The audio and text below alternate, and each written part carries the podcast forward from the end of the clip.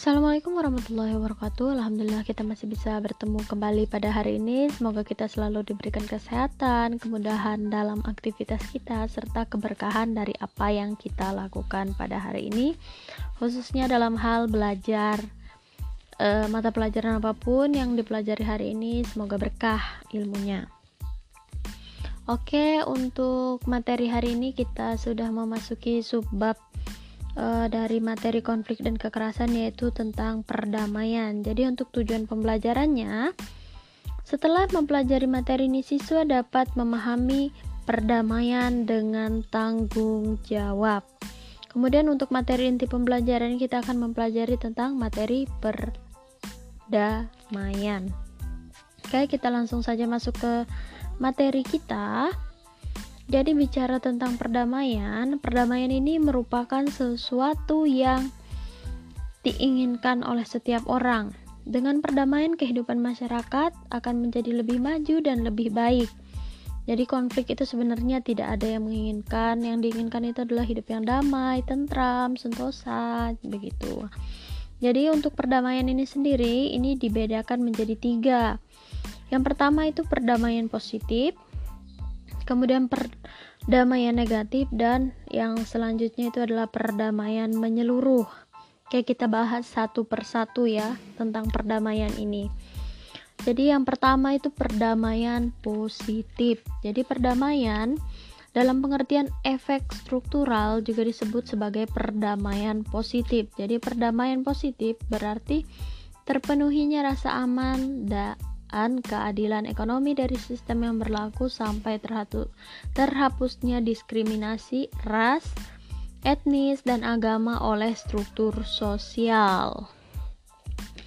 Jadi perdamaian tidak hanya berkaitan dengan usaha mereduksi kekerasan langsung tetapi juga pada pengembangan-pengembangan vertikal sosial yang bertanggung jawab terhadap hubungan-hubungan hierarkis di antara orang-orang. Jadi konsep perdamaian positif ini berdasarkan pada pemahaman dasar dari kondisi-kondisi sosial ini menghapus kekerasan struktural melalui beber berbagai proses yang panjang. Kita contohkan di sini pada saat Amerika melakukan agresi militer ke Irak, bermunculanlah berbagai aksi demonstrasi menolak kebijakan tersebut baik dari dunia internasional maupun dari negeri Amerika sendiri. Jadi hasil yang diperoleh dari aksi-aksi tersebut bersifat jangka panjang. Jadi kemenangan Barack Obama sebagai presiden Amerika Serikat yang menolak perang Irak dan mengajukan penghapusan perang di Irak adalah salah satu akibat dari aksi tersebut. Itu adalah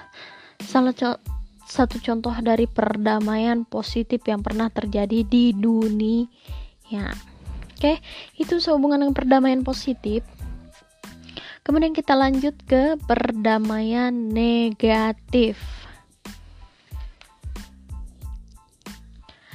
Jadi perdamaian dalam pengertian langsung ini disebut sebagai perdamaian negatif yaitu ketika orang-orang tidak terancam, tidak mengalami luka-luka, kehilangan nyawa akibat dari tindakan orang atau kelompok lain.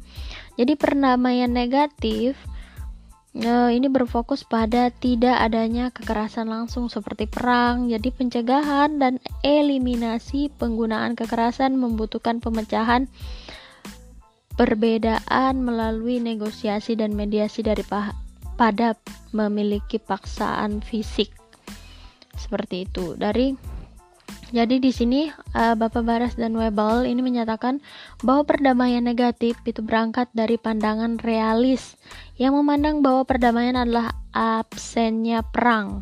Jadi perspektif ini ini memandang bahwa perdamaian ditentukan kapan pun ketika tidak ada perang atau bentuk-bentuk kekerasan langsung yang terorganisasi. Meskipun demikian, beberapa kalangan ini berpendapat bahwa perdamaian negatif perlu juga menggunakan kekuatan militer. Jadi, pertahanan negara dan regional ini dalam pengertian hadirnya tentara dan persenjataan yang kuat juga termasuk dalam bidang perdamaian negatif. Jadi perdamaian negatif terlihat pada pemerintahan yang memiliki cara dalam mengelola konflik diformulasikan melalui pendekatan keamanan tradisional. Jadi, pengelolaan konflik ini merepresi masyarakat untuk takut berbeda secara politik. Jadi pendekatan ini ini menciptakan perdamaian yang sejatinya melainkan menanamkan benih-benih persoalan konflik. Kenyataannya ini terbukti melalui pecahnya berbagai konflik baik secara vertikal maupun horizontal pasca keruntuhan masa pemerintahan tersebut. Jadi yang dilihat ini dampak daripada perdamaian itu sendiri.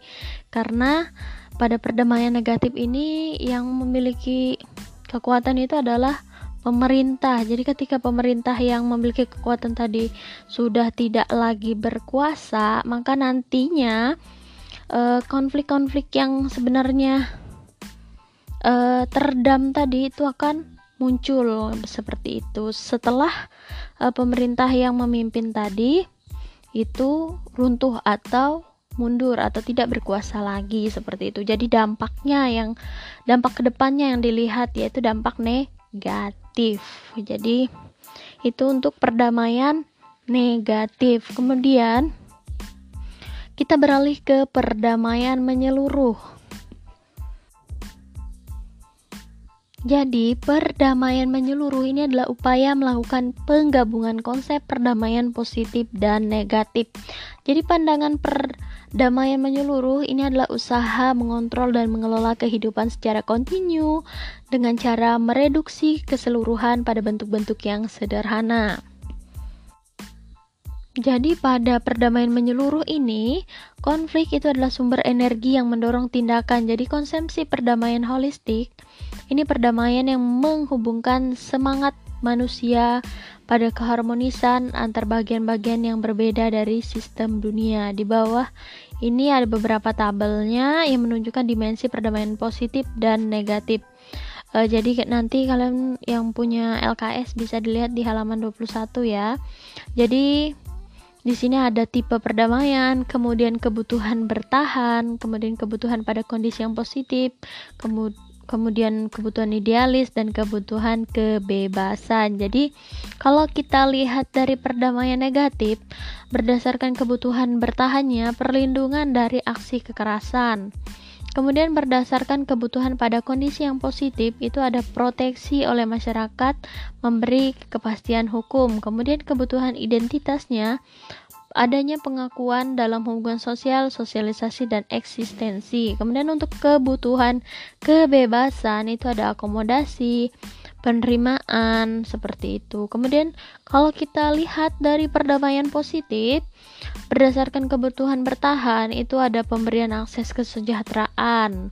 Kalau misalnya negatif tadi kan perlindungan dari aksi kekerasan. Kalau yang perdamaian positif itu memberikan akses kesejahteraan. Kemudian selanjutnya kalau kebutuhan berdasarkan kebutuhan pada kondisi yang positif, perdamaian positif itu memberikan akses hukum keamanan. Kalau yang e, negatif cuma proteksi oleh masyarakat, memberikan kepastian hukum aja.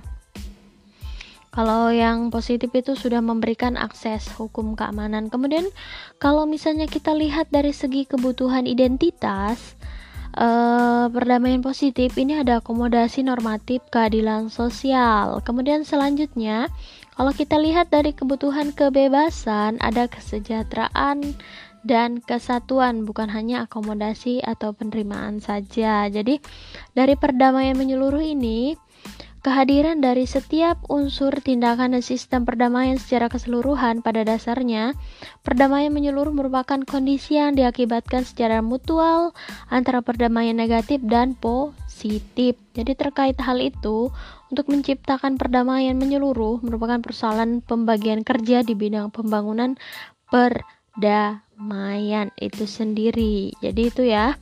Untuk perdamaian positif, kemudian perdamaian negatif, dan perdamaian menyeluruh.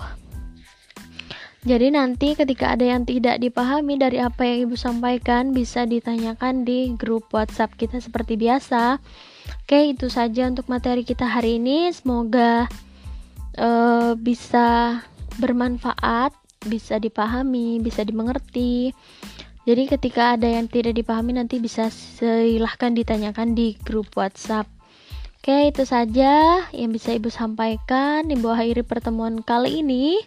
Jangan lupa bagi yang belum tuntas di semester satunya segera dituntaskan dalam waktu dekat. Ibu akhiri wassalamualaikum warahmatullahi wabarakatuh.